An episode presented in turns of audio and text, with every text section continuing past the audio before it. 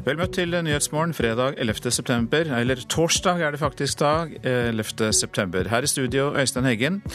Nå klokka 6.30 er dette hovedsaker. USA vil bekjempe IS både i Syria og Irak. Terroristene skal ikke ha noe skjulested, sier president Barack Obama. If you threaten America, you will find no safe haven.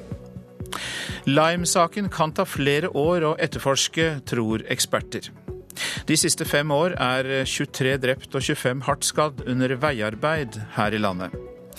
Nav i Hedmark skjerper kravene til sykemeldte og arbeidsledige, men ikke alle er like fornøyde med jobbtilbudet de får fra Nav. Jeg syns det var egentlig var helt på trynet.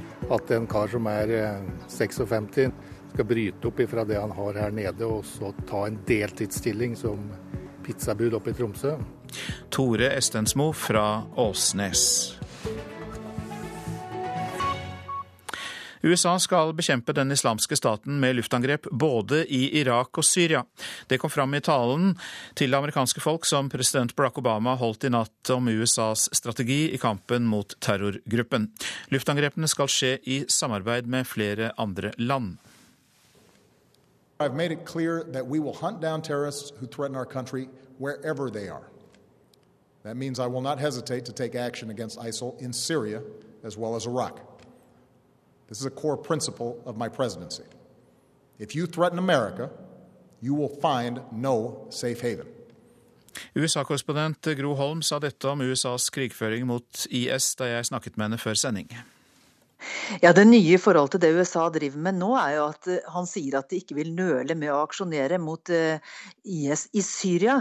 Eh, Dvs. Si at han utelukker ikke noen ting. Vi vil følge etter terroristene som truer vårt, land, samme hvor de er, sier Obama. Og det, det, er vel det alle har ventet på å høre. Nå kommer det altså. I fjor så sa han nei til å angripe Assad-styrker. Nå vil han gå etter de mest ekstreme opprørerne. Men Obama sier da fortsatt at det ikke er aktuelt med amerikanske bakkestyrker, men flere flyangrep, selvfølgelig.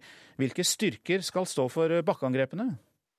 Ja, I denne talen nevnte han ingen eh, organisasjon konkret, men han sa at han i går kveld ville be Kongressen om, eh, om støtte til å væpne og trene moderate eh, syriske opprørere. Eh, det er fortsatt uklart hvor disse skal trenes. Det har vært nevnt Saudi-Arabia som mulighet, at faktisk amerikanske soldater skal trene syriske opprørere på Saudi-Arabisk territorium, eh, men det er enda ikke bekreftet. Hvordan stiller det politiske miljøet i USA seg til eh, Obamas eh, opptrapping i krigen mot eh, den islamske staten? Det er mye større politisk støtte for dette nå enn det var for bare noen måneder siden. og det er klart at Halshuggingen av to amerikanske journalister også har bidratt til å øke denne støtten. Så eh, både i Kongressen og i folket så eh, virker det nå som det er et klart flertall for å trappe opp, og også for å angripe i Syria. Det er eh, imidlertid en, en del som stiller spørsmålstegn ved dette med samarbeid med syriske opprørere på bakken. Og mange spør seg hvilken garanti har en for at våpnene faktisk blir hos de moderate, og for at de vil være lojale overfor det amerikanske prosjektet. Eh, men alt i alt så regner en med at han vil få den støtten han trenger i Kongressen. Det var eh, USA-korrespondent Gro Holme. Lime-saken kommer trolig til å ta flere år å etterforske, mener eksperter. De siste dagene har politiet gjennomført en stor politiaksjon mot butikkjeden. De har mistanke om menneskehandel, skatteunndragelser og bedrageri. 20 personer er siktet. Petter Gottschalk, professor på BI og ekspert på økonomisk kriminalitet, sier at saken er så omfattende at det trolig vil ta lang tid å etterforske. Økokrimsaker tar lang tid å etterforske, vanligvis ett til to år.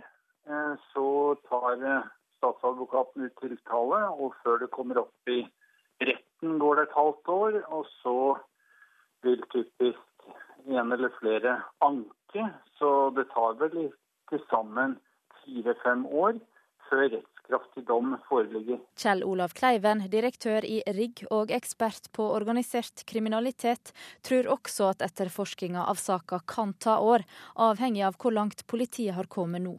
Dette er en veldig veldig omfattende sak. Eh, det er mange mennesker involvert. Det er et stort miljø. Eh, og det er en kompleks form for kriminalitet. fordi at eh, Om vi ser på menneskesmugling og ulovlige arbeidere og den type ting, så er det en klassisk form for mafiakriminalitet.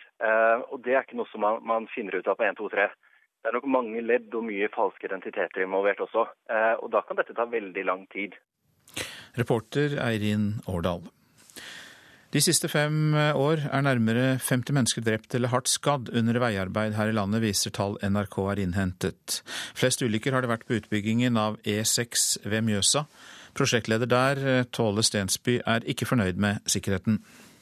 Vi gjør jo alt etter boka, det får vi jo bekreftet fra Arbeidstilsynet. Men, men like fullt så har vi en, en skadesituasjon som har vært uønsket. Flere ganger de siste fem årene har ambulanser rykket ut etter arbeidsulykker på E6-prosjektet mellom Gardermoen og Stange. Til sammen har det vært 15 ulykker og hendelser med til sammen 91 skadde og drepte bare på dette veiprosjektet. Vi har lykkes med det meste på, på fellesprosjektet, både når det gjelder kvalitet og framdrift og økonomi, men på, på sikkerhetssida har vi ikke vært fornøyd. Situasjonen har vært så vanskelig at Vegvesenet måtte ta grep.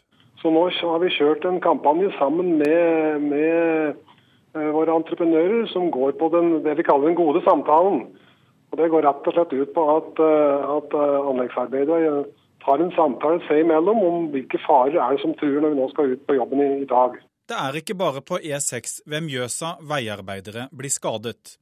Tall NRK har fått fra Statens vegvesen, viser at til sammen 1367 mennesker er skadd eller drept under veiarbeid i Norge de siste knappe fem årene, fra januar 2010 til september i år. De aller fleste har fått lettere skader, men 25 personer har blitt alvorlig skadd, og 23 er drept fra 2010 til september i år, inkludert ulykken på Geilo forrige uke. Eh, vårt mål er jo at alle hver eneste dag skal komme hel og frisk hjem fra jobb. Sier Grete Ingeborg Nykkelmo, kommunikasjonsdirektør hos den store entreprenøren Veidekke.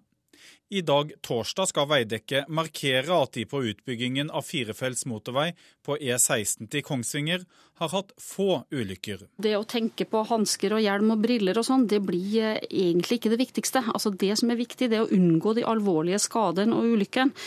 Og det å tenke på, helt fra planlegging av prosjekter, på hvordan vi kan unngå farlige situasjoner i prosjekter.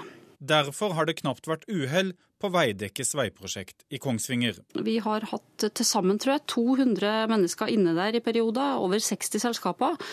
Eh, og nesten 600 000 arbeidstimer, og har altså én skade med fravær. Så vi er egentlig veldig fornøyd med det prosjektet.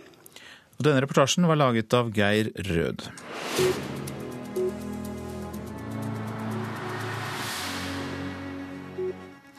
Nå kan vi ønske stortingspresident Olemic Thommessen velkommen. Tusen takk. Du er her, for du er vertskap i dag når eh, om lag 60 parlamentspresidenter, altså kolleger av deg fra Europarådets medlems- og samarbeidsstater, møtes i Oslo i dag og i morgen. Og det er jo hyggelig, men hva i all verden skal dere foreta dere? Dette er jo en stor politisk eh, møteplass, eh, hvor vi har eh, temaer knyttet til demokratiutvikling og menneskerettigheter. Eh, det er eh, også et sted eh, Jeg vil jo si at bakteppet for denne konferansen vil være situasjonen i Ukraina. Og også kanskje spørsmål om, faktisk om hatefulle ytringer og trusler mot demokratiet i, i resten av Europa. Eh, demokratiet er jo ikke noe vi skal ta som en selvfølge. Og det er kanskje denne gruppen som er de som har eh, skoene tydeligst på i forhold til det å måtte ha et ansvar for at vi har gode rammebetingelser for demokrati og demokratisk utvikling i eh, Europa i dette tilfellet. Da. Hvilke krefter truer demokratiet i Europa, opplever du? Det er vel to hovedtrekk. Det ene er jo at eh, økonomiske mot, øh, dårlige tider øh, kanskje gjør at vi får fremvekst av populistiske partier og ekstreme retninger i Vest-Europa. Så har vi jo den store utfordringen som ligger i at det gamle Øst-Europa ikke har de demokratiske tradisjonene vi har. Og det å bygge et demokrati, det skal vi huske, i vårt land har det tatt 200 år. Og det er en lang og møysommelig prosess. Som handler om eh, sterke nasjonalforsamlinger, som handler om skille mellom regjering og nasjonalforsamling, som handler om nasjonalforsamlingenes kontrollmuligheter eh, og opposisjonens muligheter til å arbeide frem ny politikk. Tross alt den dynamikken mellom posisjon og opposisjon som vi tar som en selvfølge, den er mange steder ikke en selvfølge. Og der har vi en kjempejobb å gjøre. La oss trekke fram det som er, kan være positivt. Er det noen europeiske demokratier, kanskje av de nyere, som det går spesielt bra for? Ja, Det er jo veldig interessant å se på hvordan de baltiske statene har utviklet seg, eller Polen f.eks.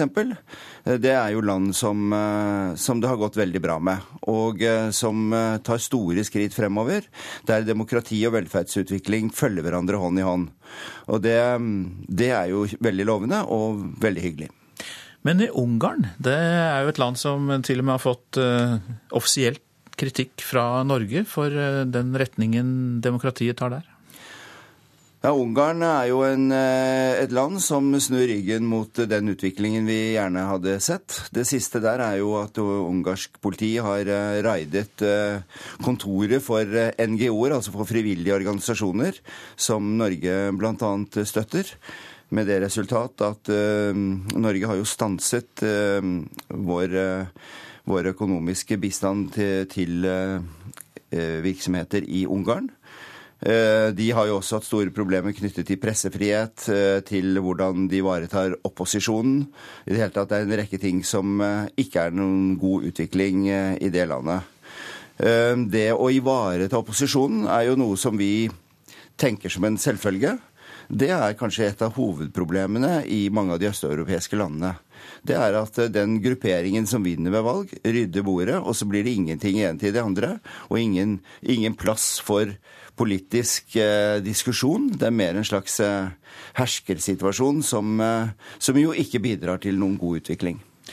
For å runde av dette med at eh, parlamentspresidenter, altså kolleger av deg, skal møtes i eh, Oslo i dag.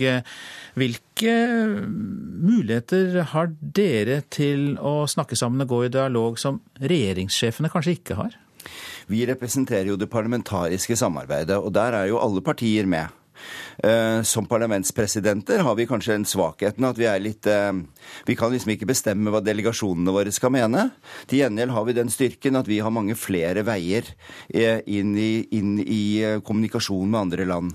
Der regjeringene holder seg til posisjonene, altså der regjeringene må snakke med hverandre som regjeringer, der kan jo vi snakke med alle partier i alle land.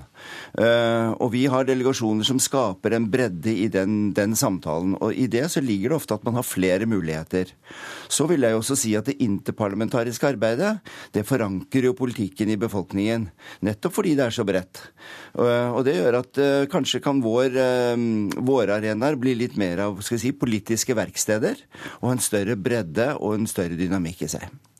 Mange takk for at du sto tidlig opp og kom hit, stortingspresident Olemic Thomsen.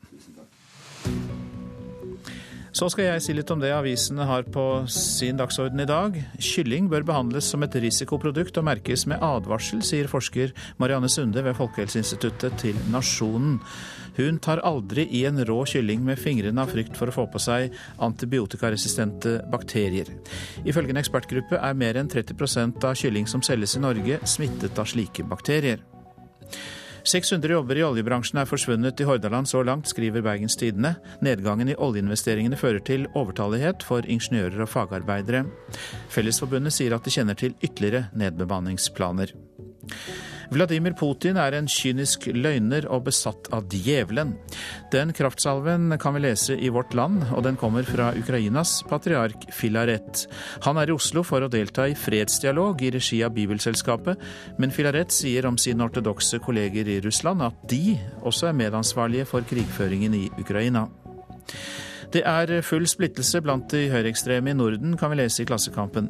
De er nemlig uenige om hvilken part de skal støtte i Ukraina-konflikten. Noen kjemper på pro-russisk side, mens andre skandinaver er stridende i den fascistiske Azov-militsen, som støtter ukrainsk side.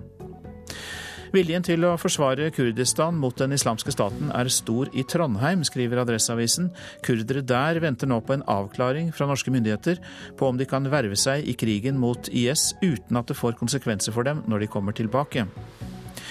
Syklistenes vanskelige hverdag er eh, tema i Aftenposten også i dag. De har, eh, det har vært planlagt sykkelfelt i Kirkeveien i Oslo siden 1998, men på den strekningen har to syklister mistet livet i løpet av disse årene, og 66 er blitt skadd i ulykker. Regi fra ende til annen er karakteristikken fra PR-rådgiver Ryne Brynildsen om lanseringen av boka om Petter Northug. Til Dagens Næringsliv sier han at boka og krisehåndteringen etter skiløperens fyllekjøring kunne gått inn i en lærebok i offensiv mediehåndtering. Gapet blir større mellom sunne og overvektige barn, kan vi lese i Dagsavisen.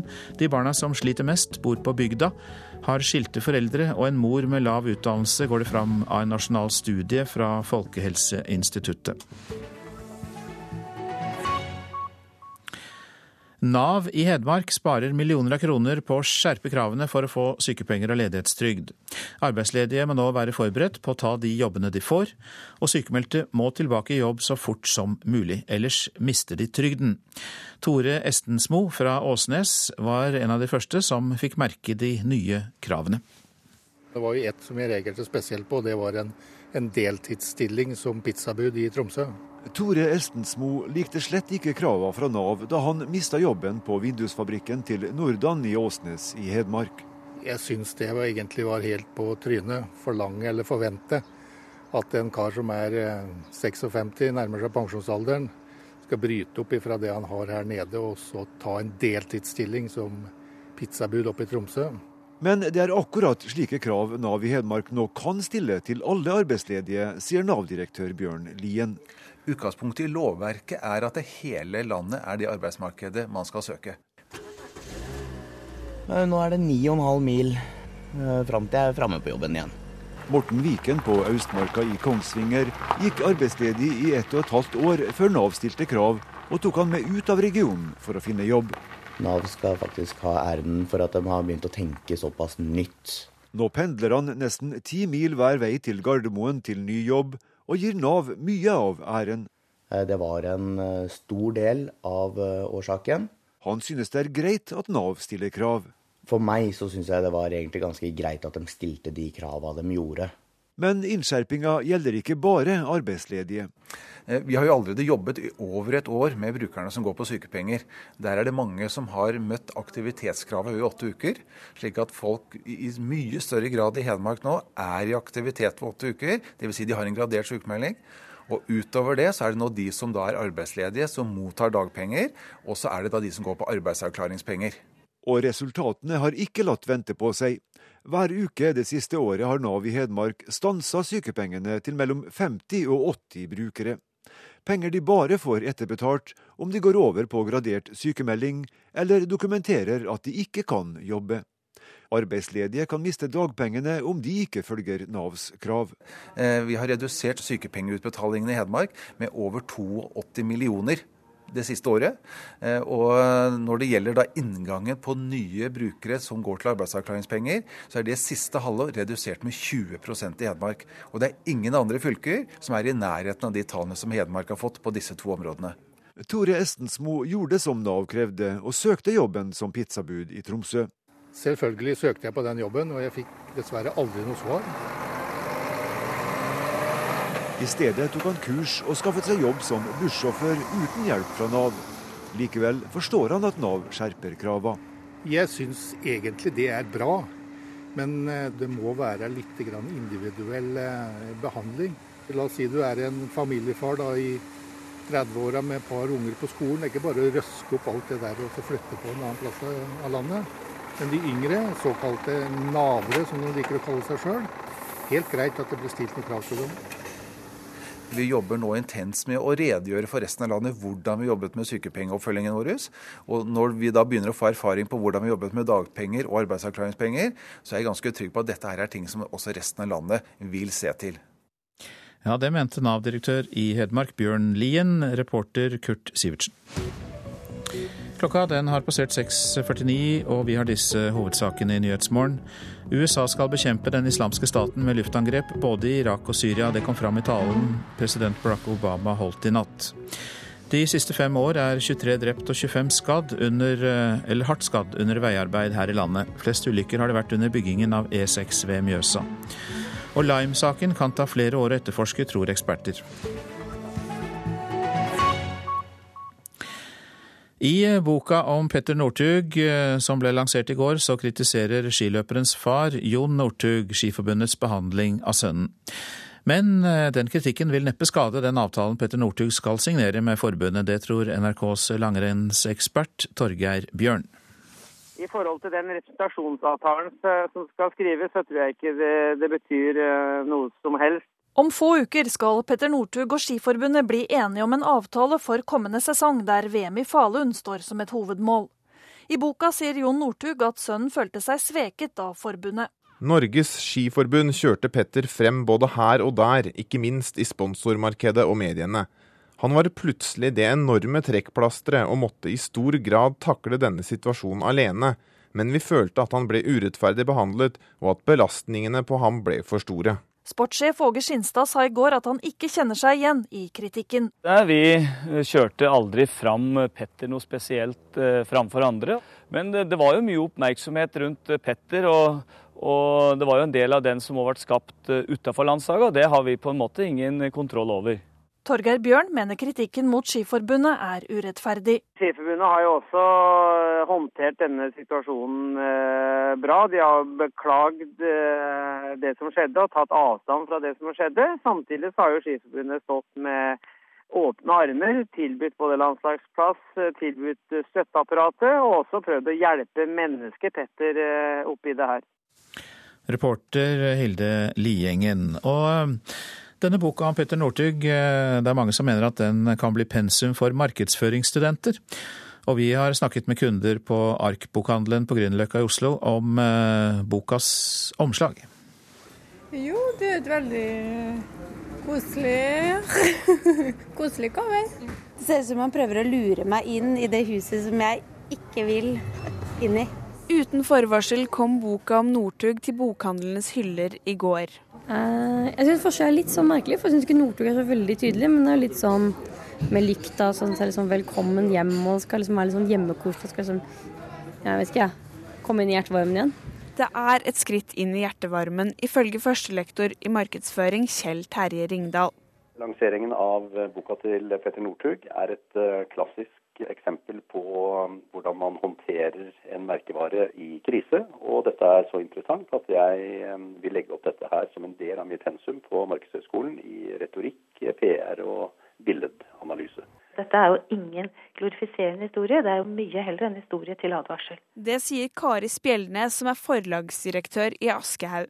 Boka beskriver bl.a. omstendighetene rundt Northugs bilulykke 4. mai i år, og avslører at han hadde en promille på 1,65. Informasjon som mange journalister har vært ute etter, kommer nå fram i boka. Ringdal sier dette er Northug og teamets forsøk på å ta tilbake kontroll. Dette er et eh, PR-messig Northug-rykk, hvor han altså går fra konkurrentene, i dette tilfellet mediene. Spjeldnes avviser at boka er ren markedsføring. Dette er først og fremst en god historie som fortjener å bli fortalt, og ikke noe PR-stunt. Ekspert i presseetikk Gunnar Bodal Johansen sier at mediene må være ekstra bevisste på at boka kommer på tidspunktet den gjør. At han ikke har kommet over det at han ikke ble tatt ut til OL i 2006 hvis det blir den store saken, og andre store saker, eh, som, som på en måte tar hele oppmerksomheten vekk fra den straffesaken eh, som kommer, så mener jeg at mediene er med på å bidra til å ufarliggjøre eller til å skyve hele den saken under teppet. Northugs PR-rik blir kanskje pensum på Markedshøgskolen, men foreløpig er det en bok for kundene hos landets bokhandler. Han var jo han kule, litt sånn morsomme, kjempeflinke skifyren som var litt sånn frekk i løypa og sånn, og det var veldig morsomt. Men så ble han litt sånn i overkant badass med den der fyllekjøringen, og det var veldig ukult. Jeg er jo trønder, så jeg syns han er en toppkar, bortsett fra den promillekjøringa, selvfølgelig. Mm.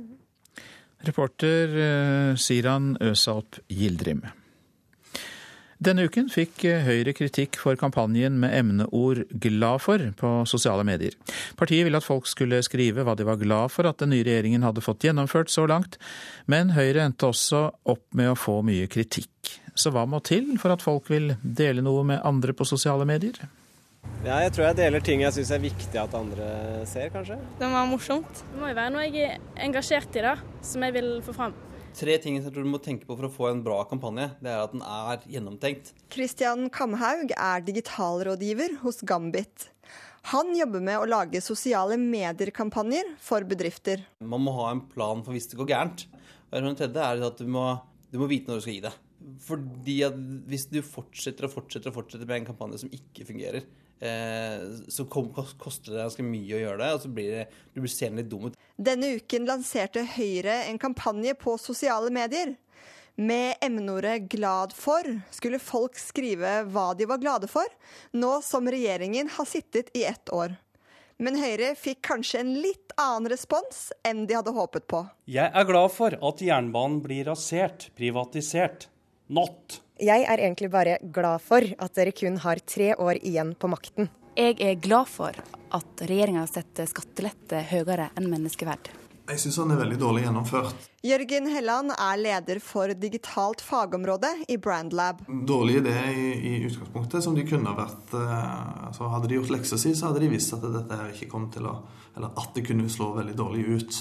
Men eh, Høyre er ikke de eneste som har fått en annen respons enn forventet. New York-politiet med sin, sin My NYPD, hvor folk ble bedt om å, å dele bilder av seg med politimenn og endte opp med å få bilder av sånn, politivold og brutalitet og køller og pistoler istedenfor den koselige, koselige joviale nye York-politimannen. Men noen kampanjer fungerer veldig godt. En sånn fin eh, kampanje som gikk viralt veldig fort, eh, som er et godt eksempel på en sånn at vi vil dele ting som får oss til å føle noe. da.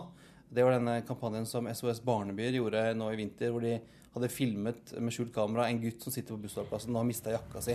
Har du ikke jakke? Nei, noen har stjålet den. Eh, den. Den traff veldig den, en god nærme. Eh, jeg deler ikke så mye, men eh, jeg delte en gang sånn om en person som hadde vært savnet lenge. da. Så en seriøs sak, i hvert fall. Eh, det må være virkelig noe jeg står for, da. Eh, noe jeg brenner for. Eh, stopp våpensalg til Israel, f.eks. Det delte jeg på Facebook, og jeg hadde ikke dårlig samvittighet eller var redd for å miste venner på Facebook av den grunn. liksom. NRK har vært i kontakt med Høyre, som ikke hadde mulighet til å kommentere saken. Reporter Heidi Røneid.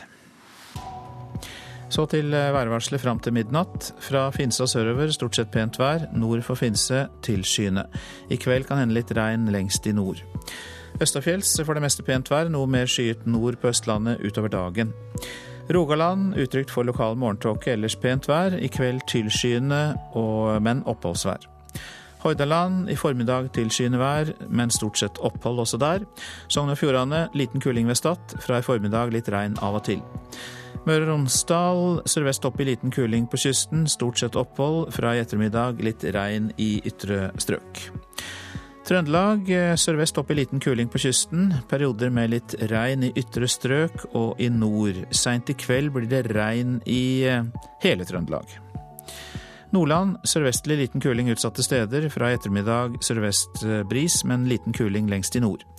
Det blir perioder med regn i Nordland.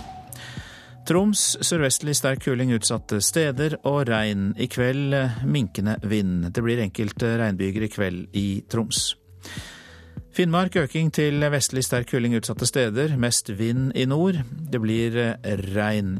Fra i ettermiddag regnbyger i nord, ellers delvis skyet oppholdsvær i Troms. Nordensjøland på Spitsbergen, der blir det stort sett oppholdsvær. Så går vi til temperaturene, og disse ble målt klokka fem. Svalbard lufthavn to grader, Kirkenes tolv. Vardø har vi ikke fått inn, men Alta hadde 14 grader, Tromsø-Langnes 12.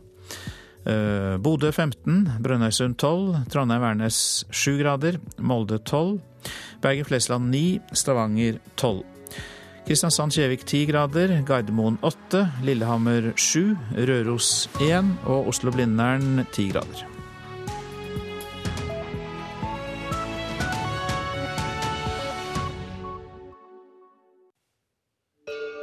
NRK Radioteatret. Året er 1532. Den siste etterkommer av kong Sverre, Gørvel Fadersdatter Sparre, kastes ut i en maktkamp.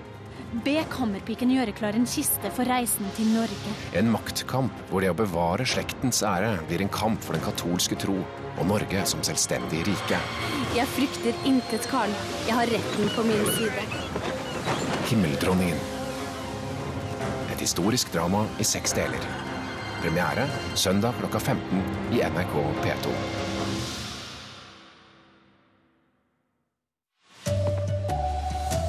USAs president sier ja til flyangrep i Syria, men kritikerne mener at det ikke er nok. Og Nav i Hedmark har spart 82 millioner kroner i utbetaling av sykepenger. Her er NRK Dagsnytt klokken sju.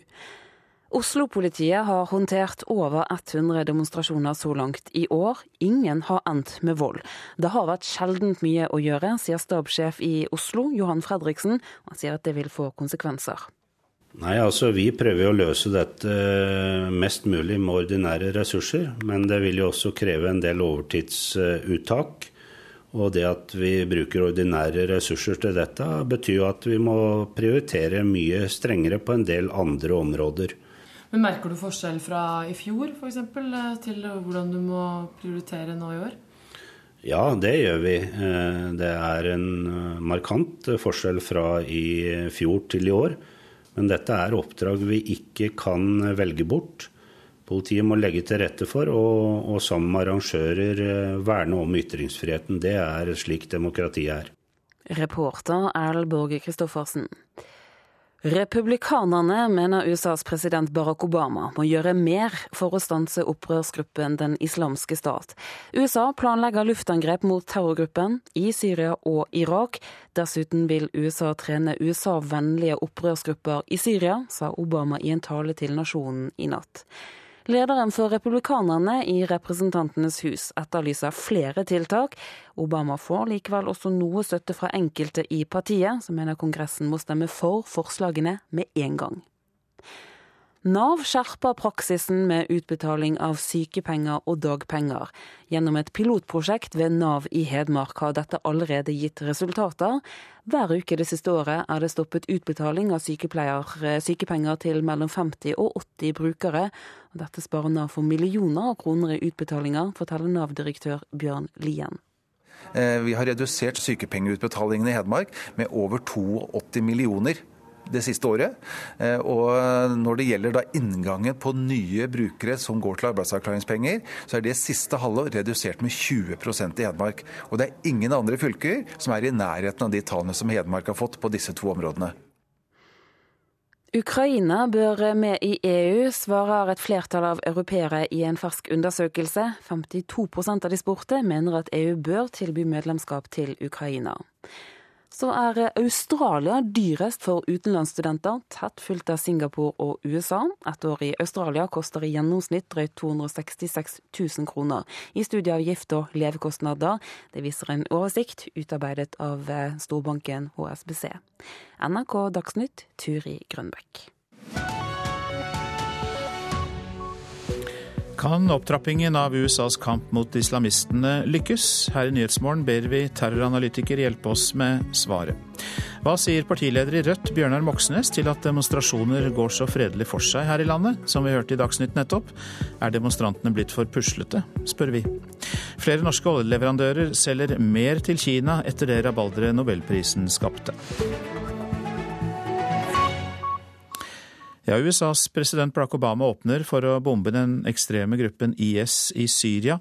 I en tale til det amerikanske folk i natt la Obama fram sin strategi for hvordan USA, i samarbeid med allierte, vil ødelegge IS i Syria og i Irak. Vi vil jakte på terrorister som truer vårt land, samme hvor de er. Det betyr at jeg ikke vil nøle med å aksjonere mot IS i Syria, så vel som i Irak. Om du truer Amerika, finnes det ikke noe trygt tilfluktssted, sa Obama. I en tale som varte i underkant av 14 minutter, la Obama fram en lenge etterlyst strategi i fire punkter. Punkt to etter bruk av amerikanske bombefly er væpning og trening av allierte på bakken. I Irak vil det si regjeringsstyrker og kurdiske soldater i nord. Obama nevnte ikke hvilke syriske grupper USA vil væpne og trene, men nå handler han raskt. I kveld ber jeg Kongressen om å gi oss ressurser til å trene og utstyre disse soldatene. Mot IS kan vi ikke stole på Assads styrker, styrker som er terrorisert eget folk, sa Obama. Han nevnte ingen sum, men ifølge medlemmer av Kongressen har Obama bedt om å få bevilgningen inn i et budsjettvedtak som må fattes før nytt budsjettår 1.10. For det tredje vil amerikanske myndigheter sette inn store ressurser for å lamme IS finansielt og hindre terrorister i å slå til i USA. Endelig varslet presidenten at USA vil øke den humanitære støtten til sivile. Obama la vekt på at det militære engasjementet denne gangen er vesensforskjellig fra krigen i Afghanistan og den forrige krigen i Irak. Den vil ikke involvere amerikanske kampstyrker som kjemper på fremmed jord. Vi vil bruke vårt luftvåpen og samarbeide med våre partnere på bakken, sa Obama. Det jobbes fortsatt med å gjøre koalisjonen av vilje så bred som mulig. Senest i går fikk USAs president per telefon forsikringer om støtte fra Saudi-Arabias konge. Allierte flyr allerede sammen med oss over Irak og sender våpen og hjelp til de irakiske regjeringsstyrkene og den syriske opposisjonen, sa Obama uten å nevne hvilke land. Men siste del av talen var en følelsesladd appell til amerikansk patriotisme. A broad American leadership is the one constant i utlandet er amerikansk ledelse den eneste konstanten i en usikker verden. Det er USA som har kapasiteten og viljen til å mobilisere verden til kamp mot terrorister, sa Obama, vel vitende om at denne gangen er kampropet populært. Groholm, Washington. Atle Mesøy, god morgen til deg. God morgen. Du arbeider som uavhengig terroranalytiker, og eh, det vi hørte her, eh, denne strategien fra Obama, kan den lykkes? Hvis det er noe som kan lykkes, så må det være noe i den retningen som USA gjør nå. Og Hva er årsaken til at du tror dette er eh, bedre? For han sier jo det er vesensforskjellig fra tidligere kriger. Ingen amerikanske soldater på bakken. Nei, og det som blir eh, da det, det, helt essensielle, det er jo å få med en god støtte fra nabolandene, og fra de, spesielt da fra de arabiske landene. Så hvis han kan få det, eh, og samtidig at det blir en god balanse med den støtten USA kan gi med flyvåpen og, og etterretning, f.eks., så, så vil det ha, ha stor betydning. Man kan altså lykkes med dette, sier du med seg. Men eh, la oss ta detaljene. Hva kan bli de største utfordringene? Utfordringene er at uh, dette er en, uh, en, Altså det har et internasjonalt omfang. IS kan ha celler i forskjellige land i, i Vesten. Særlig. Og det kan spre seg til nabolandene i regionen. Ehm, det er, eh, det er noen av de største utfordringene. Og eh, i tillegg så kan det spre seg til andre grupper i andre regioner, som f.eks. Sørøst-Asia.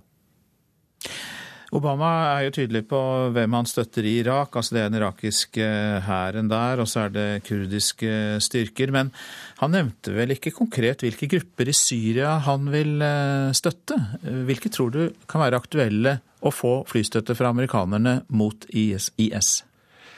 Amerikanerne har allerede en del eh, personell innenfor den frie syriske armé. Og eh, det er nok sannsynlig at de vil bygge opp denne gruppen sterkere.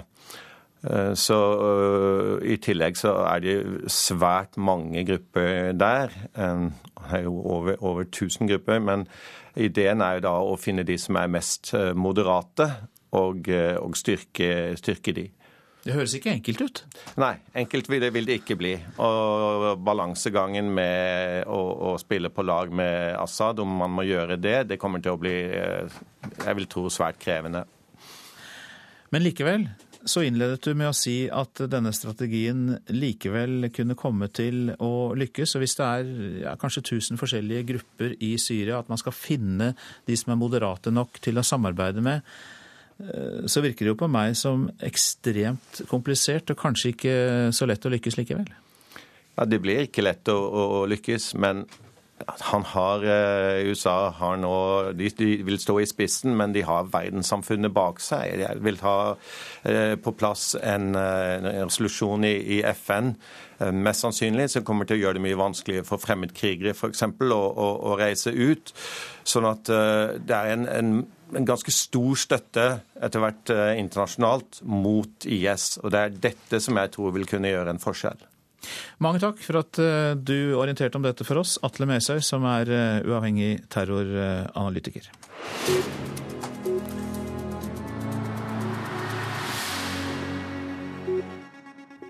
Oslo-politiet har håndtert over 100 demonstrasjoner så langt i år. Ingen har endt med vold.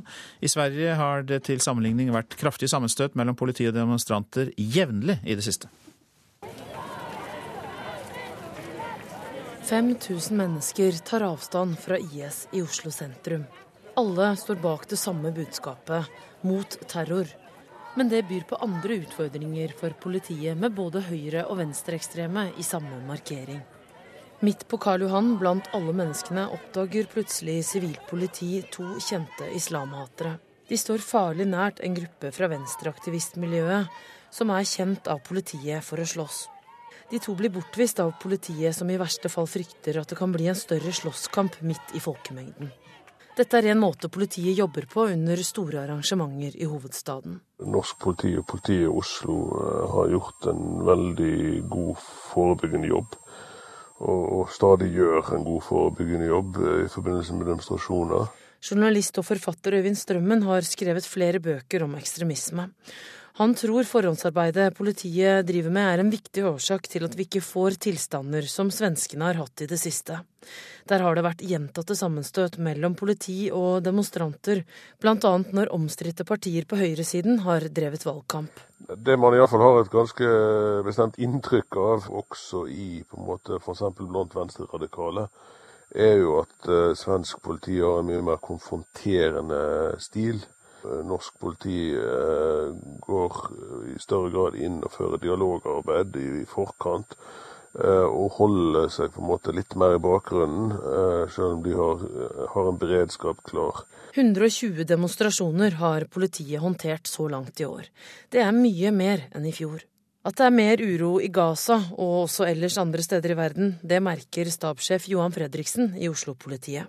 Ja, det gjør vi. Eh, det er en eh, markant forskjell fra i fjor til i år.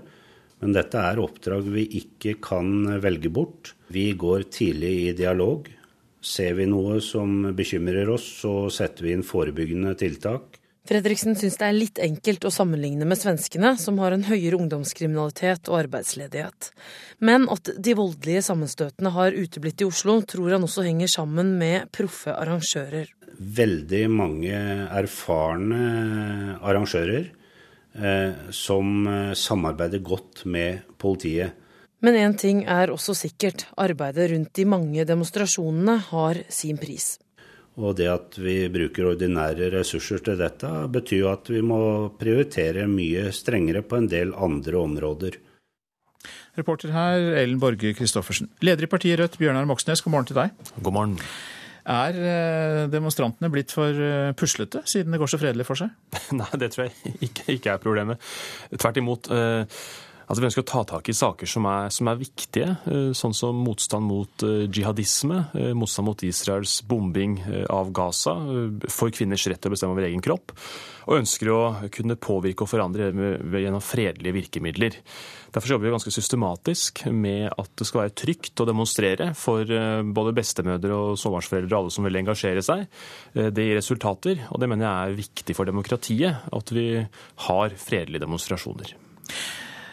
Det var kanskje litt useriøst av meg å innlede på den måten, men likevel så tenker man jo at mer action, flere provokasjoner i en eller annen form, behøver jo ikke være voldelige. De kan jo være engasjerende, og kanskje er det noe av det som mangler? Uh, nei. Uh, du vet at uh, altså de pengesterke interessene de har alltid eh, andre kanaler for påvirkning eh, enn demonstrasjoner. Eh, de kan kjøpe seg påvirkning gjennom f.eks. First House og andre PR-selskaper, mens vanlige folk de har ikke de samme mulighetene. Så det er viktig eh, for folkestyret at vi, eh, at vi, sørger for å ha eh, fredelige og trygge markeringer i gatene, der folk kan få sagt sitt om hva de mener om viktige saker. Vi så det nå i vår. Vi så også en av de største 8. mars-markeringene noensinne mot Frp og Høyres forsøk på å svekke kvinners rettigheter når det gjelder retten til abort. Det var et signal som jeg tror fikk gjenklang helt inn i regjeringskontorene. Vi så i år, i, i sommer, svære demonstrasjoner eh, eh, til støtte for palestinerne og mot Israels bombing eh, av Gaza. Så demonstrasjoner er ikke av moten, åpenbart. Men hvis det blir mye bråk, så vil veldig mange forsvinne og holde seg hjemme fordi de frykter for at det være utrygt. Så det er avgjørende at vi klarer å, å fortsatt ha fredelige markeringer. Klassepurk var ikke så uvanlig å bli ropt gjennom gatene da det var demonstrasjoner på 70-tallet. Er det et begrep du vil bruke nå? Det virker som politiet er ganske fornøyd med hvordan de håndterer demonstrasjoner for tiden. Vi har gått fra en situasjon der eh, vi hadde politimester Willy Hauglie, som kanskje anså alt til venstre for Ap som et ordensproblem, eh, til å nå ha et eh, politi som har en litt annen fremgangsmåte. Det er mye klokere, og det gir også mye mindre spenninger. og gjør det lettere for arrangører å sørge for at demonstrasjonene går fredelig for seg. Så politiets endrede taktikk det har også hatt mye å si, tror jeg. Det er ikke slik i eh, Sverige. Kan vi til slutt knytte noen ord til det? Det ble nevnt her at politiet opptrer mer provoserende i Sverige eh, i, et, i, dette innslaget. Men er det andre ting som gjør at Sverige er annerledes? Ja, Et viktig forhold er jo at i Sverige så finnes det jo eh, dessverre ganske store, ekstremt høyrevridde rasistiske miljøer som også bruker gatene for å angripe de som de er uenige med. De angriper innvandrere, de angriper homofile, eh, feminister, antirasister. Eh, de, de skaper eh, mye vold i gatene. Det fører til et mye høyere spenningsnivå. I Norge så har vi klart gjennom breie mobiliseringer, eh, fredelige, eh, og hver eneste gang eh, klare å slå tilbake høyreekstremistene. De har ikke noe rom i Norge. Det har også mye å si for at vi har, har fredelige markeringer, og at det er et lavere spenningsnivå. Så det har vært en viktig forskjell tror jeg, historisk og nå på at vi mellom Norge og Sverige. Bjørnar Moxnes, takk skal du ha. Du er leder i partiet Rødt.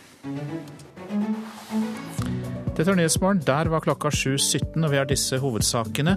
USA skal bekjempe den islamske staten med luftangrep både i Irak og Syria. Det kom fram i talen president Barack Obama holdt i natt.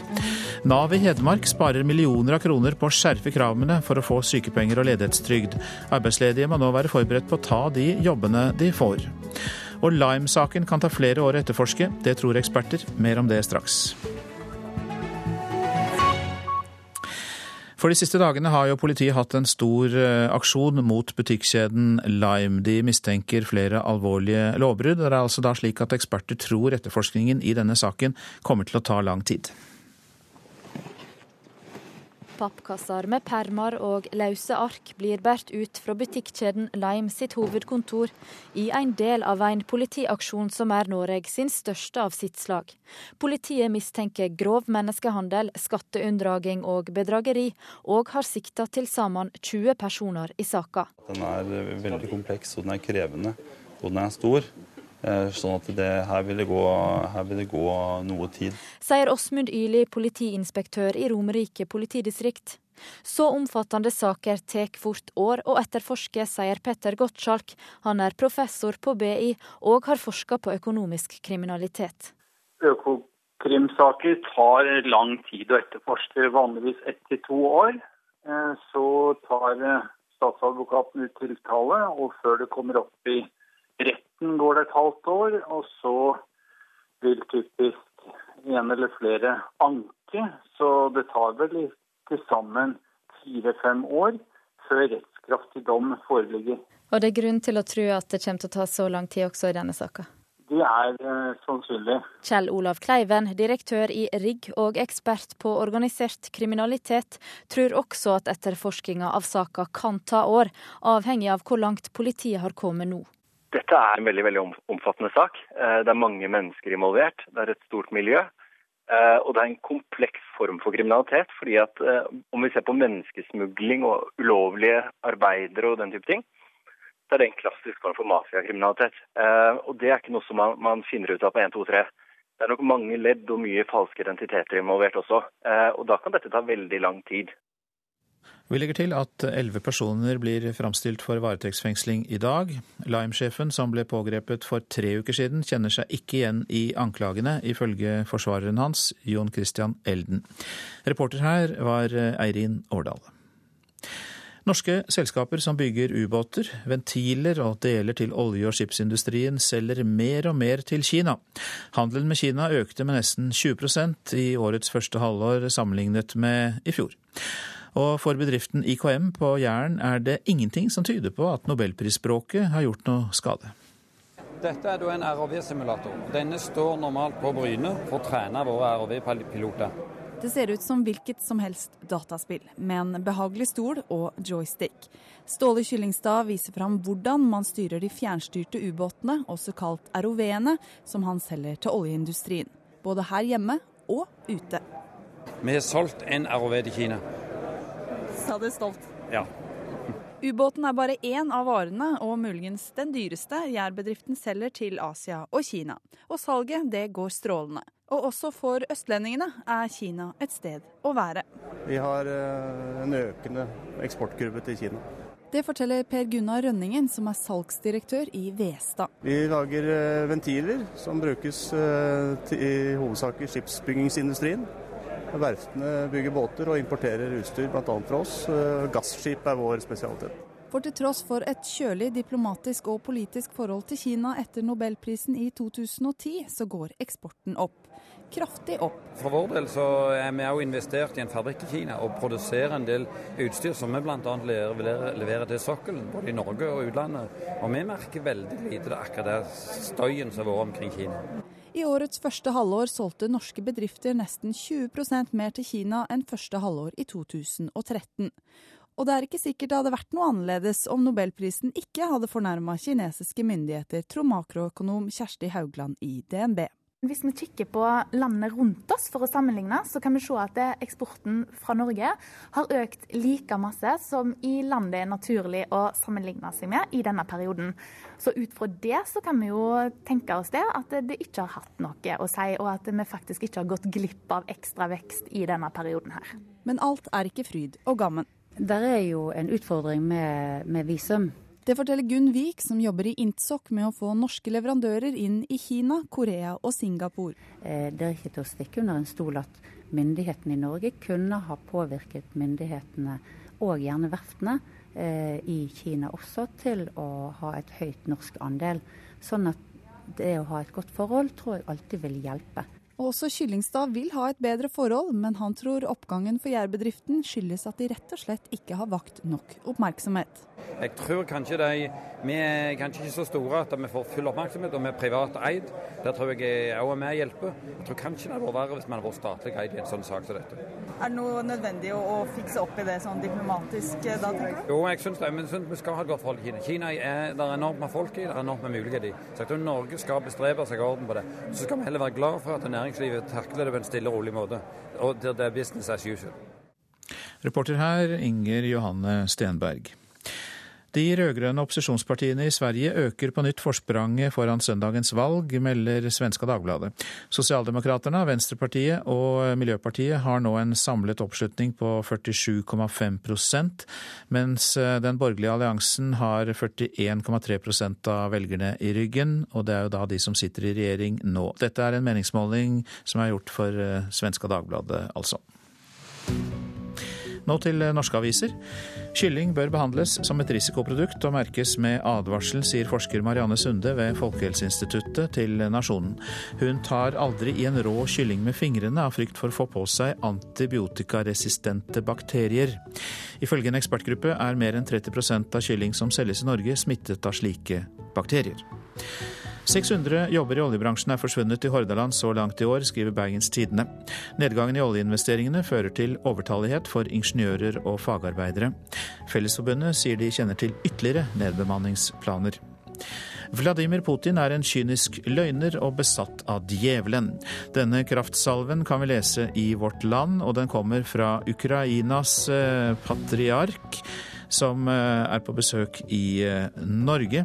Han er i Oslo for å delta i fredsdialog i regi av Bibelselskapet. Men Filaret, som han heter, sier om sine ortodokse kolleger i Russland at de er medansvarlige for krigføringen i Ukraina. Det er full splittelse blant de høyreekstreme i Norden, kan vi lese i Klassekampen. De er uenige om hvilken part de skal støtte i Ukraina-konflikten. Noen kjemper på pro-russisk side, mens andre skandinaver er stridende i den fascistiske Azov-militsen som støtter ukrainsk side. Viljen til å forsvare Kurdistan mot den islamske staten er stor i Trondheim, skriver Adresseavisen. Kurdere der venter nå på en avklaring fra norske myndigheter på om de kan verve seg i krigen mot IS uten at det får konsekvenser for dem når de kommer tilbake. Syklistenes vanskelige hverdag i Oslo er tema i Aftenposten også i dag. Det har vært planlagt sykkelfelt i Kirkeveien siden 1998, men på den strekningen har to syklister mistet livet i løpet av disse årene, og 66 er blitt skadd. Regi fra ende til annen er karakteristikken fra PR-rådgiver Rune Brynildsen om lanseringen av boka om Petter Northug. Til Dagens Næringsliv sier Brynildsen at boka og krisehåndteringen etter skiløperens fyllekjøring kunne gått inn i en lærebok i offensiv mediehåndtering. Gapet blir større mellom sunne og overvektige barn, kan vi lese i Dagsavisen. De barna som sliter mest, bor på bygda. De har skilte foreldre og en mor med lav utdannelse, går det fram av en nasjonal studie fra Folkehelseinstituttet. Lørdag ble det kjent at en mann av syrisk opprinnelse hadde bortført sin norske kone og deres fem barn til Syria. Mens norske myndigheter jobbet på spreng for å finne en måte å få dem hjem på, ble mediene bedt om ikke å publisere noe om saken. Det kunne nemlig sette moren og barna i enda større livsfare. Men i Botnhamn på Senja visste alle hva som foregikk. Vi har vært eh, mange som har prata om det her, eh, oss imellom. Vi har eh, sovet dårlig om nettene. Vi har ringt hverandre om sent om kveldene, tidlig om morgenen. Og, ja, og sett for oss ting. Og har vært, nyhetsbildene har jo vært grusomme i den måneden som de har vært borte. Så man har jo sett for seg alt mulig. Silje Våge er venninna med den norske kvinna og har barn på samme alder som hennes barn. Vi fikk melding om at de var blitt bortført inn i Syria, og det eh, laga engstelse over, overalt her. En privat etterforsker hjalp bygdefolket til å forstå at de ikke måtte forsøke å ringe kvinner i Syria. De måtte òg holde tett om det de visste til folk utenfor bygda. Dersom terroristgruppa IS fikk høre nyss om at familien var meldt savna, så kunne det få fatale følger. Vi ville gjøre noe. Så eh, vi ordna et sånn lite arrangement for å prøve å samle inn noen kroner til familien. Det var jo for oss å hjelpe dem som sitter igjen her, eller eh, eventuelt eh, om noen kroner kunne hjelpe dem hjem tilbake. Vi visste ingenting om utfallet av denne saken. Det vi ser her borte, hva er det for noe? Det er arbeidsplassen hans. Og også din? Ja, også min. Så dere har vært kollegaer? Ja, i noen år. Han gjorde en helt grei jobb og ja, egentlig ingenting å, å, å utsette på det. Det sier Egil Johansen på Nordsenja fiskeindustri, arbeidsgiveren til den nå sikta 35-åringen. Hva tenkte du da du hørte hva som hadde skjedd? Nei, jeg syns det var forferdelig. Og da ikke med tanke på å være arbeidsgiver, for det betyr egentlig ingenting i denne sammenheng. Det var de, de fem ungene som eh, som skulle risikere å oppleve krig. Og, og som vi ellers, vi er ei lita bygd, vi har, vi har, bruk for dem her i bygda. De er på fotballaget, og de er på skolen og to plasser i barnehagen osv. Så, videre, så Så de er jo en del av, av framtida. Vi feira allerede på søndag at de var kommet inn til Norge. Og vi er klar til storjubel når de kommer hjem, men vi må jo respektere eh, deres følelser oppi alt. Lørdag var dramaet over. Familien landa på norsk jord igjen. Mannen ble pågrepet, mens kvinna og de fem ungene ble tatt vare på av helsevesenet. Vi er eventuelt klare til å bake og lage mat, eh, stille med klær. Vi vet ikke hva de har når de kommer. Lensmann Arnold Nilsen er svært fornøyd med måten Botnhamn-samfunnet har takla situasjonen. Bygdas oppgave det vil jo være å slå ring rundt dem og sørge for at de nå fort igjen blir inkludert i det miljøet de har vært en del av over mange mange år. Og eh, det er jeg veldig trygg på at man i Botnhamn vil man løse på en utmerket måte. Og reporter i Botnhavn på Senja i Troms var Linda Pedersen. Denne uka faller dommen mot den sørafrikanske friidrettsutøveren Oscar Pretorius, som står tiltalt for drapet på kjæresten. Mer i reportasjen etter Dagsnytt. Krigen mot den islamske staten i Irak og Syria er tema også for Politisk kvarter i dag. Prosent for Nyhetsmorgen, Eli Bieland. Her i studio, Øystein Heggen.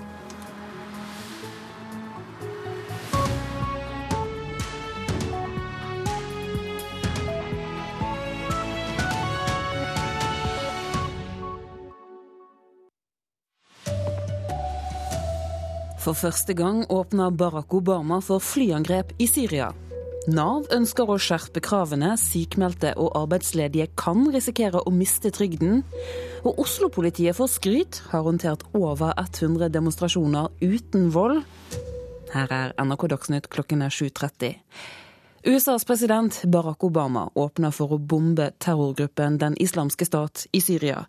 I en tale til det amerikanske folk i natt la Obama fram sin plan for hvordan USA, sammen med allierte, vil ødelegge IS i Irak og Syria.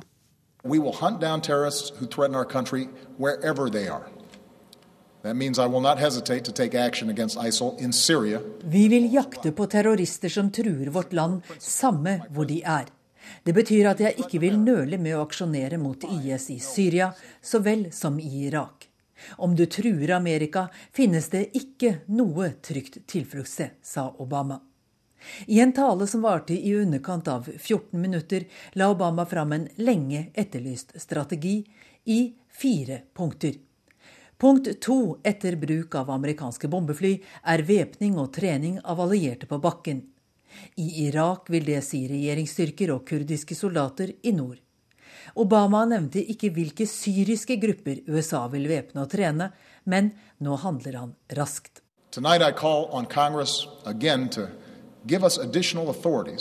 I kveld ber jeg Kongressen igjen om å gi oss ressurser til å trene og utstyre disse soldatene.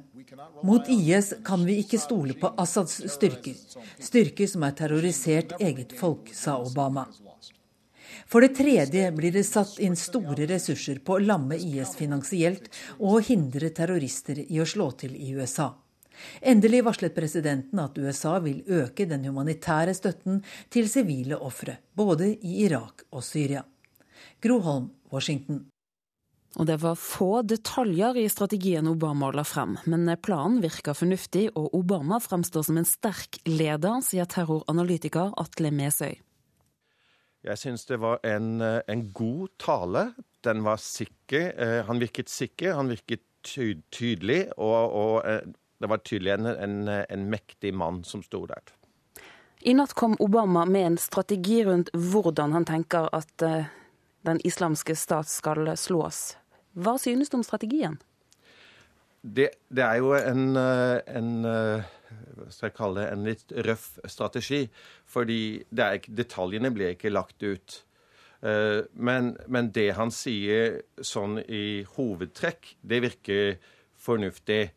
Eh, det å bygge opp sterke grupper eh, på, på bakken, støtte med amerikansk luftvåpen, støtte med amerikansk etterretning og amerikanske rådgivere også på, på bakken. Er det det som skal til for å ta IS? Det, det, er jo svært vanskelig. Akkurat som eh, med Al Qaida, så, så, er det svært vanskelig å ta. Han sier han skal uh, We will degrade, sier han. Eh, altså skal, skal innskrenke, og til slutt så skal jeg knuse ISIL. Og det er jo et spørsmål da om om, om er mulig rett og slett å knuse, og eventuelt hva vil knuse da si? Sånn at det, det er ikke enkelt. Men at, eh, at, det er en uh, fornuftig strategi, det, det, tror jeg nok. Det har vært over 100 demonstrasjoner i Oslo i år. Det er lenge siden politiet har håndtert så mange protester. Men sammenlignet med Sverige så er demonstrasjonene i Oslo mye roligere. I Sverige har det vært store sammenstøt mellom politi og demonstranter, men Oslo-politiet jobber annerledes, mener ekspert på ekstremistmiljøer. 5000 mennesker i Oslo sentrum demonstrerer mot IS og terror. En felles parole som tiltrakk miljøer fra flere ekstreme ytterkanter. For plutselig ser sivilpoliti to kjente islamhatere. De står nært en voldelig gruppe fra venstreaktivistmiljøet. Raskt blir de to bortvist for egen og andres sikkerhet. Politiet unngikk i verste fall en større slåsskamp midt i folkemengden. Dette er én måte politiet jobber på under store arrangementer i hovedstaden. Norsk politi og politiet i Oslo eh, har gjort en veldig god forebyggende jobb. Og stadig gjør en god forebyggende jobb eh, i forbindelse med demonstrasjoner. Det sier journalist og forfatter Øyvind Strømmen. Han har kartlagt ekstreme miljøer. 120 demonstrasjoner har Oslo-politiet håndtert så langt i år. Det er mye mer enn i fjor. Sjeldent mye, ifølge politiet selv. Uro i Gaza, krig i Midtøsten. Sånt merker stabssjef Johan Fredriksen. Det er en eh, markant eh, forskjell fra i fjor til i år. Men dette er oppdrag vi ikke kan velge bort. Vi går tidlig i dialog. Ser vi noe som bekymrer oss, så setter vi inn forebyggende tiltak. Øyvind Strømmen sier forhåndsarbeidet fra politiet er en viktig årsak til at ikke vi får tilstander som svenskene f.eks. har hatt i det siste. Der har det vært gjentatte sammenstøt mellom politi og motdemonstranter rundt markeringer fra omstridte partier på høyresiden. Svensk politi har en mye mer konfronterende stil. Reporter Erlend Borge Christoffersen. Nav ønsker å innføre strengere krav for sykepenger og ledighetstrygd. Gjennom et eh, prøveprosjekt i Hedmark blir arbeidsledige forberedt på å ta de jobbene de blir tilbudt. Sykmeldte skal raskere ut i arbeid. 56 år gamle Tore Estenmo er en av de første som har merket de nye kravene. Han ble bedt om å dra til Tromsø for å jobbe. Det var jo ett som jeg reagerte spesielt på, det var en, en deltidsstilling som pizzabud i Tromsø. Tore Estensmo likte slett ikke kravene fra Nav da han mista jobben på vindusfabrikken til Nordan i Åsnes i Hedmark. Jeg syns det var egentlig var helt på trynet. Men det er akkurat slike krav Nav i Hedmark nå kan stille til alle arbeidsledige, sier Nav-direktør Bjørn Lien. Utgangspunktet i lovverket er at det hele landet er det arbeidsmarkedet man skal søke. Regelverket har vært der hele tida, men nå skal praksis innskjerpes, med Hedmark som pilotfylke. Han tror likevel ikke hedmarkinger flest må til helt andre kanter av landet for å få jobb. De som vil jobbe og har muligheter til det, så er det absolutt store muligheter å finne noe på Østlandet, slik at man fortsatt kan bo hjemme, men at man kanskje må reise noe lenger. Men innskjerpinga gjelder ikke bare arbeidsledige.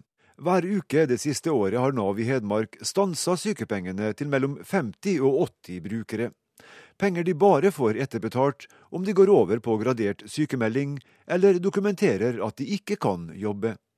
Arbeidsledige kan miste dagpengene om de ikke følger Navs krav. Tore Estensmo gjorde som Nav krevde, og søkte jobben som pizzabud i Tromsø. Selvfølgelig søkte jeg på den jobben, og jeg fikk dessverre aldri noe svar. I stedet tok han kurs og skaffet seg jobb som bussjåfør uten hjelp fra Nav.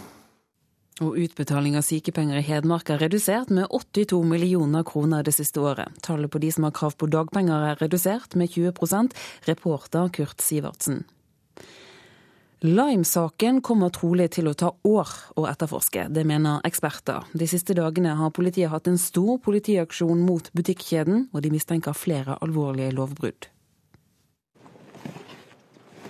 Pappkasser med permer og løse ark blir båret ut fra butikkjeden Lime sitt hovedkontor i en del av en politiaksjon som er Norge sin største av sitt slag.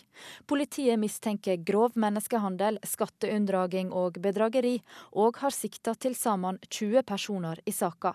Så omfattende saker tar fort år å etterforske, sier Petter Gottschalk. Han er professor på BI og har forska på økonomisk kriminalitet. Øko Krimsaker tar lang tid å etterforske, vanligvis ett til to år. Eh, så tar eh, statsadvokaten ut tiltale, og før det kommer opp i retten går det et halvt år. Og så vil typisk en eller flere anke, så det tar vel til sammen fire-fem år før rettskraftig dom foreligger. Kjell Olav Kleiven, direktør i RIGG og ekspert på organisert kriminalitet, tror også at etterforskinga av saka kan ta år, avhengig av hvor langt politiet har kommet nå. Dette er en veldig veldig omfattende sak. Eh, det er mange mennesker involvert. Det er et stort miljø. Eh, og det er en kompleks form for kriminalitet. fordi at eh, Om vi ser på menneskesmugling og ulovlige arbeidere og den type ting, så er det en klassisk form for mafiakriminalitet. Eh, og det er ikke noe som man, man finner ut av på 1, 2, 3. Det er nok mange ledd og mye falske identiteter involvert også. Eh, og da kan dette ta veldig lang tid. Og elleve personer blir fremstilt for varetektsfengsling i dag. Lime-sjefen, som ble pågrepet for tre uker siden, kjenner seg ikke igjen i anklagene, sier forsvareren hans Jon Christian Elden. Og reporter her, det var Eirin Årdal. Ansvarlig for eh, Dagsnytt nå i eh, morgentimen er Anne Skårseth. Hans Ole Hummelvold har det tekniske ansvaret. Her i studio, Turi Grønbekk.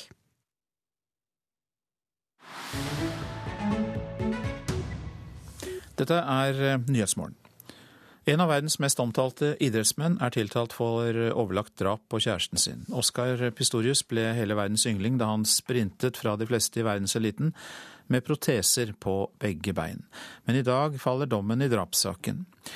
Afrikakorrespondent Sverre Tom Radøy har sett nærmere på det sørafrikanske dramaet.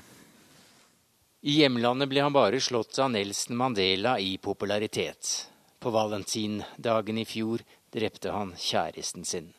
'From hero to zero' var en av overskriftene denne uka. Pistorius er verdens raskeste mann uten ben, med fire gull i Paralympics, men han ville mer. Han ville delta i det ordinære OL, men da sa Det internasjonale friidrettsforbundet stopp. Også den kampen vant Oscar Pistorius. Forbundet fikk ikke medhold i at protesene ga ham noen fordel i forhold til løpere med begge beina i behold. I think this day is going to go down in history for the, for the equality of, of disabled people. Jeg tror dagen blir stående som en historisk dag for likestilling for funksjonshemmede, sa en glad idrettshelt. Fem år senere skjøt han fire skudd gjennom baderomsdøra i luksusleiligheten i Sør-Afrikas hovedstad Pretoria. Han sier det var et uhell, en feiltagelse. Han trodde kjæresten lå og sov, og at det var en innbruddstyv som gjemte seg der på badet denne natta. Da politiet forklarte retten om skuddene som fikk modellkjærestens hode til å eksplodere som en vannmelon, kastet Oskar Pistorius opp der han satt på tiltalebenken. Før skuddene falt, var livet som et eventyr alle trodde skulle ende godt.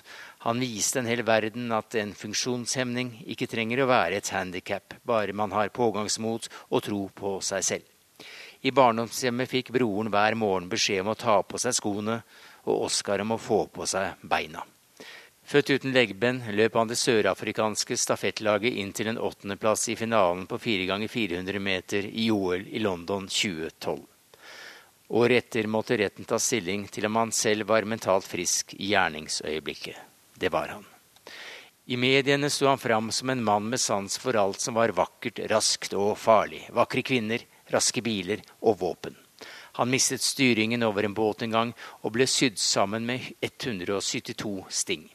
Til den britiske avisen The Daily Mail fortalte han om maskingeværet i vinduet på soveværelset og om pistolen ved senga. 14.2.2013 tok han den fram, en kaliber 9 mm, og skjøt jenta han hadde vært sammen med i tre måneder. Vitner forteller at de hørte en kvinne skrike før skuddene falt. Det er ikke bra for hans sak. Til avisene forteller tidligere kjærester at helten ikke behandlet damene særlig ridderlig, og det var visst mange av dem. I dag klokka 9.15 faller dommen. Den kan bli livsvarig, som i Sør-Afrika innebærer minimum 25 års fengsel. Aktor i saken Jerry Nell kalles The Pitbull i Sør-Afrika. Han tegnet et bilde av tiltalte som en våpenglad mann med kort lunte. The accused intended to, to kill a human being. He knew there was a human being in the toilet. Nehl avsluttet sin prosedyre med å gjenta at tiltalte har innrømmet å ha skutt gjennom døra til et rom der han visste at et menneske befant seg. Hans intensjon var å drepe et menneske. Det gjør ham skyldig i mord. Det må få konsekvenser, sa aktor. Selv bedyrer Pistorius at han elsket den drepte, at det hele var en forferdelig misforståelse. Eventyret om verdens raskeste mann uten ben får ingen happy ending uansett utfall. Dette er Nyhetsmorgen, og dette er hovedsaker. For første gang åpner USAs president Barack Obama for flyangrep mot styrker fra den islamske staten også inne i Syria.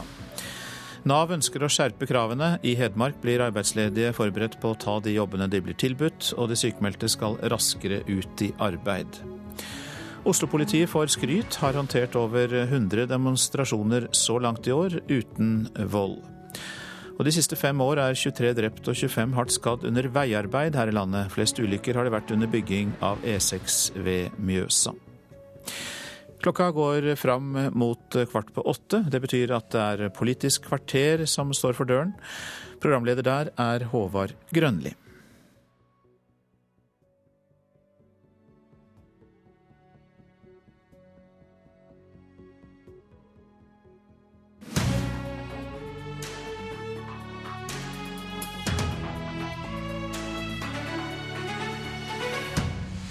Our objective is clear.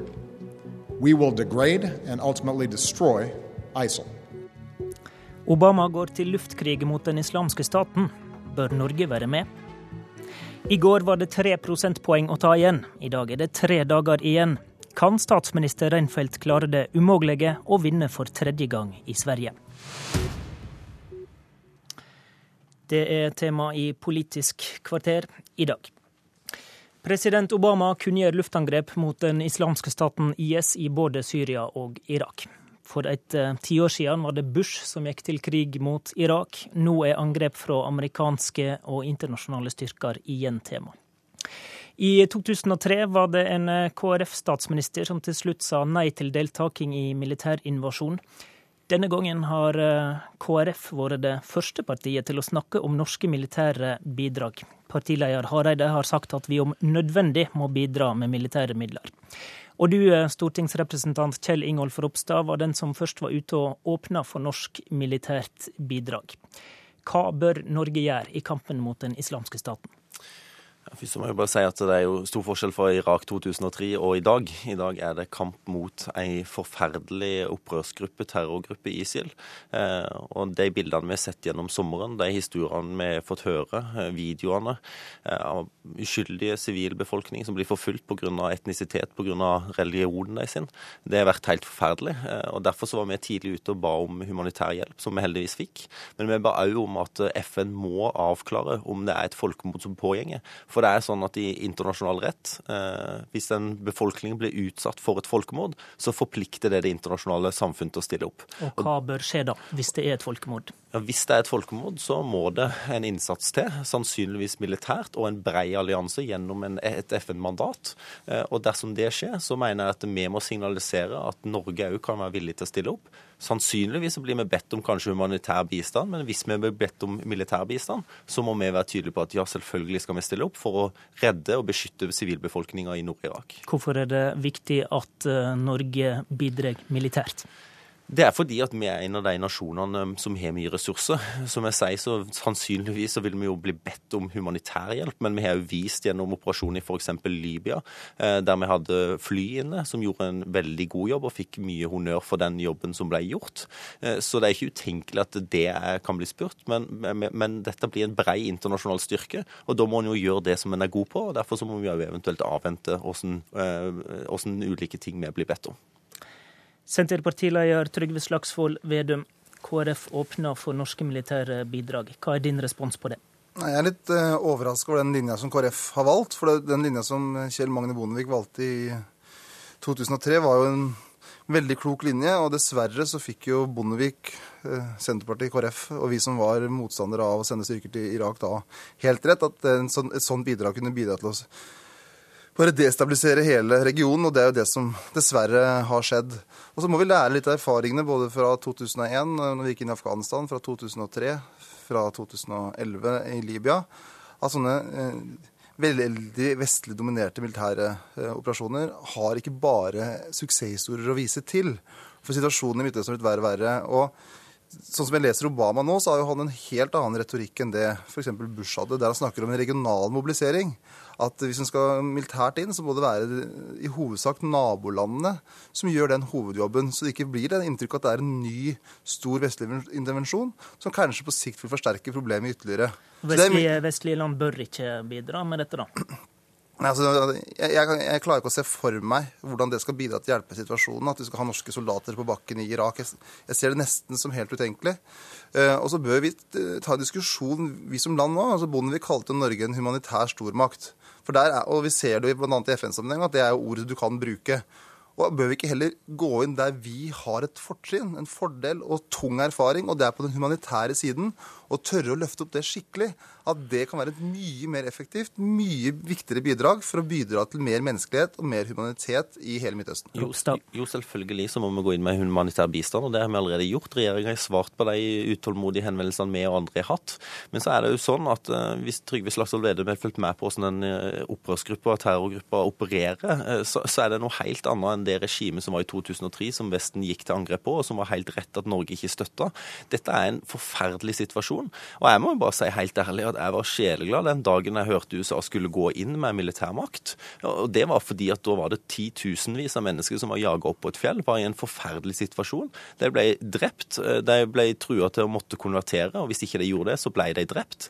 Og det var en vanskelig humanitær situasjon. Den gangen bidro Norge òg med humanitær eh, bistand, mens USA tok den militære. Og det er ikke noe sånn at jeg tror at dette er en quick fix, eller at dette er den løsninga som er, er bare at send inn militærmakt, så løser det seg. Det er ikke sånn det er. Men det er en forferdelig situasjon for sivilbefolkninga. Vi så gjennom sommeren òg at ISIL-soldater kanskje var på vei mot Norge. Eh, og det vil òg si at det vil være en trussel mot Vesten.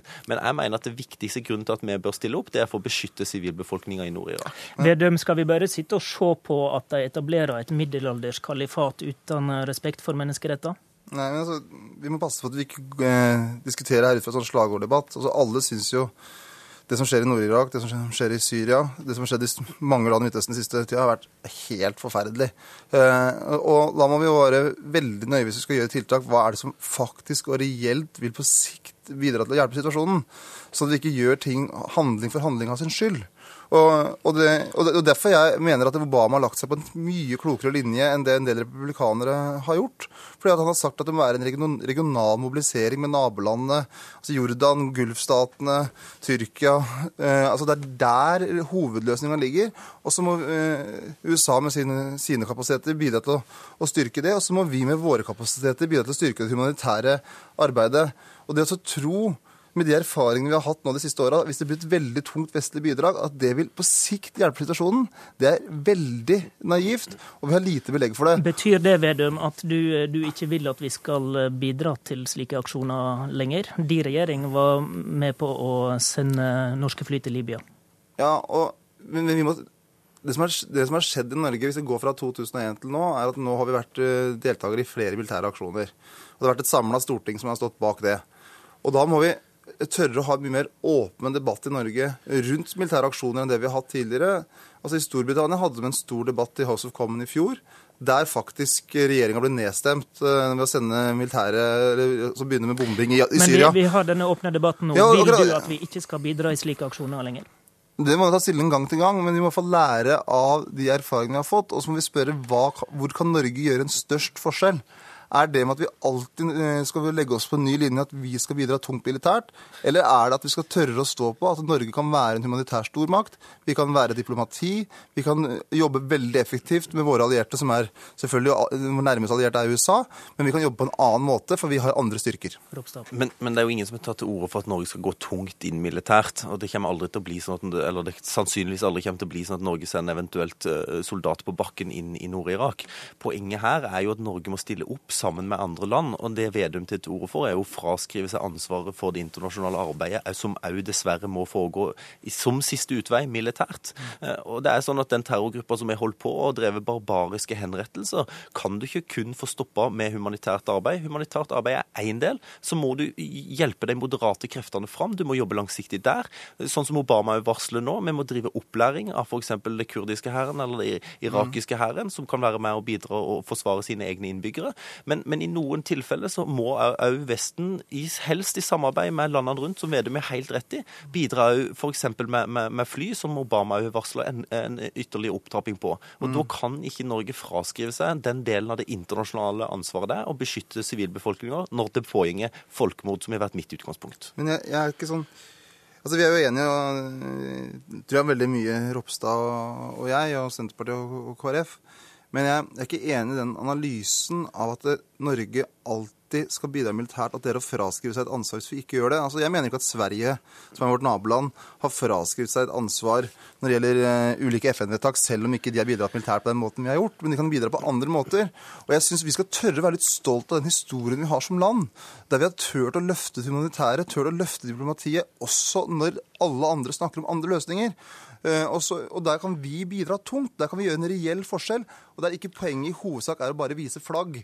For her handler det om at vi må bidra med tung bistand i Jordan, tung bistand i Syria, tung bistand i Libanon, for å hjelpe og stabilisere mest mulig i hele regionen, så det ikke denne konflikten brer seg ytterligere. Og så er jeg enig i at eh, den strategien USA har, der det er en regional mobilisering med naboland, og der USA kan bidra, også militær rådgivning. Men vi er ikke landet som har den største kunnskapen, fordelene på bakken i Irak og eller lufta. Så langt har regjeringa sagt at det ikke er en aktuell problemstilling å bidra med militære styrker. Både utenriksministeren og forsvarsministeren var spurt om å delta her i dag, men eh, takka nei. Vi skal eh, avrunde krigsdebatten der, men før vi skifter tema, Vedum. Håper du ditt eh, svenske søsterparti Senterpartiet får fortsette i regjering, eller håper du at de rød-grønne får makta i Sverige nå? Det heier intenst på Senterpartiet og Annie Løf eh, i den svenske valgkampen. Og så må hun velge sine regjeringspartnere. Jeg så at de gikk opp på gallupen, og det er en god driv å løfte fram lokalmat og miljø og grønne byer og levende distrikt, så jeg heier sterkt på Senterpartiet i Sverige. Senterpartilederen heier på sitt søsterparti. Det skulle vel eh, bare mangle. I Sverige så er nemlig Senterpartiet i den borgerlige regjeringsalliansen med Moderaterna, Kristdemokraterna og eh, Folkepartiet.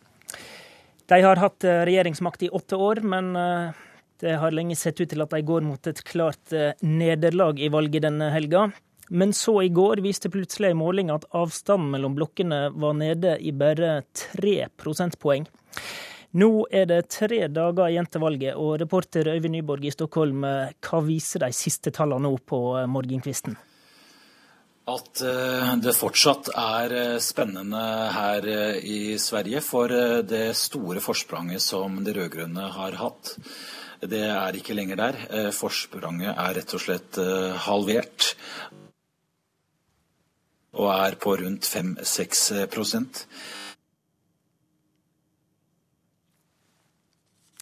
Vi skal eh, vente til vi har kontakt igjen med reporter Øyvind Nyborg i Stockholm, og eh, skal høre litt fra de siste partilederdebattene og utspørringene i Sverige. I går var nemlig Stefan Löfven hos svenske TV4.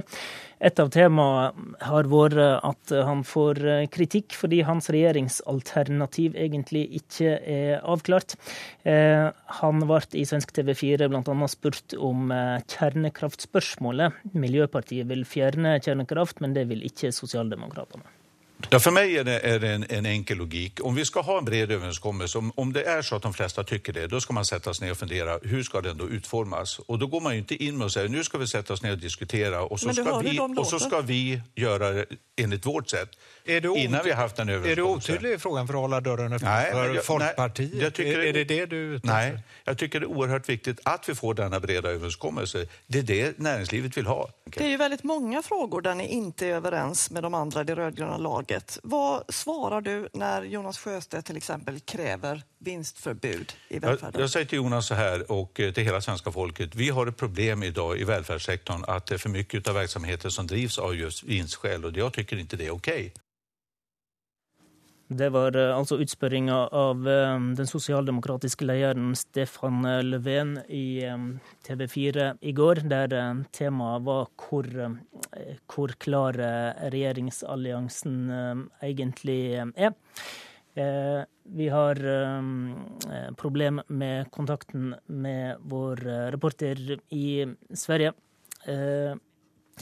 Og der har vi kontakt igjen, Øyvind. Hvor viktig er den, dette spørsmålet om hvor klar, klart regjeringsalternativet til Sosialdemokratene egentlig er?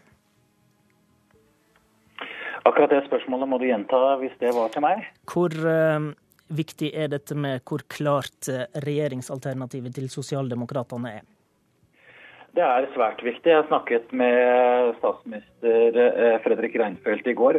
Han bare rister på hodet og sier at eh, problemet for de rød-grønne er at de ikke viser velgerne at de har et reelt alternativ, hva som blir deres regjeringsalternativ.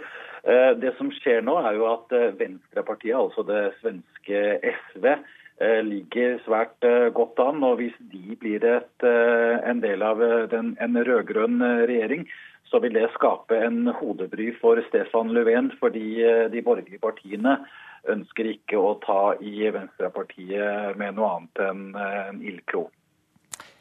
Valget er på Sverige. Følg med i DRK. Det var Politisk kvarter. I studio, Håvard Grønli.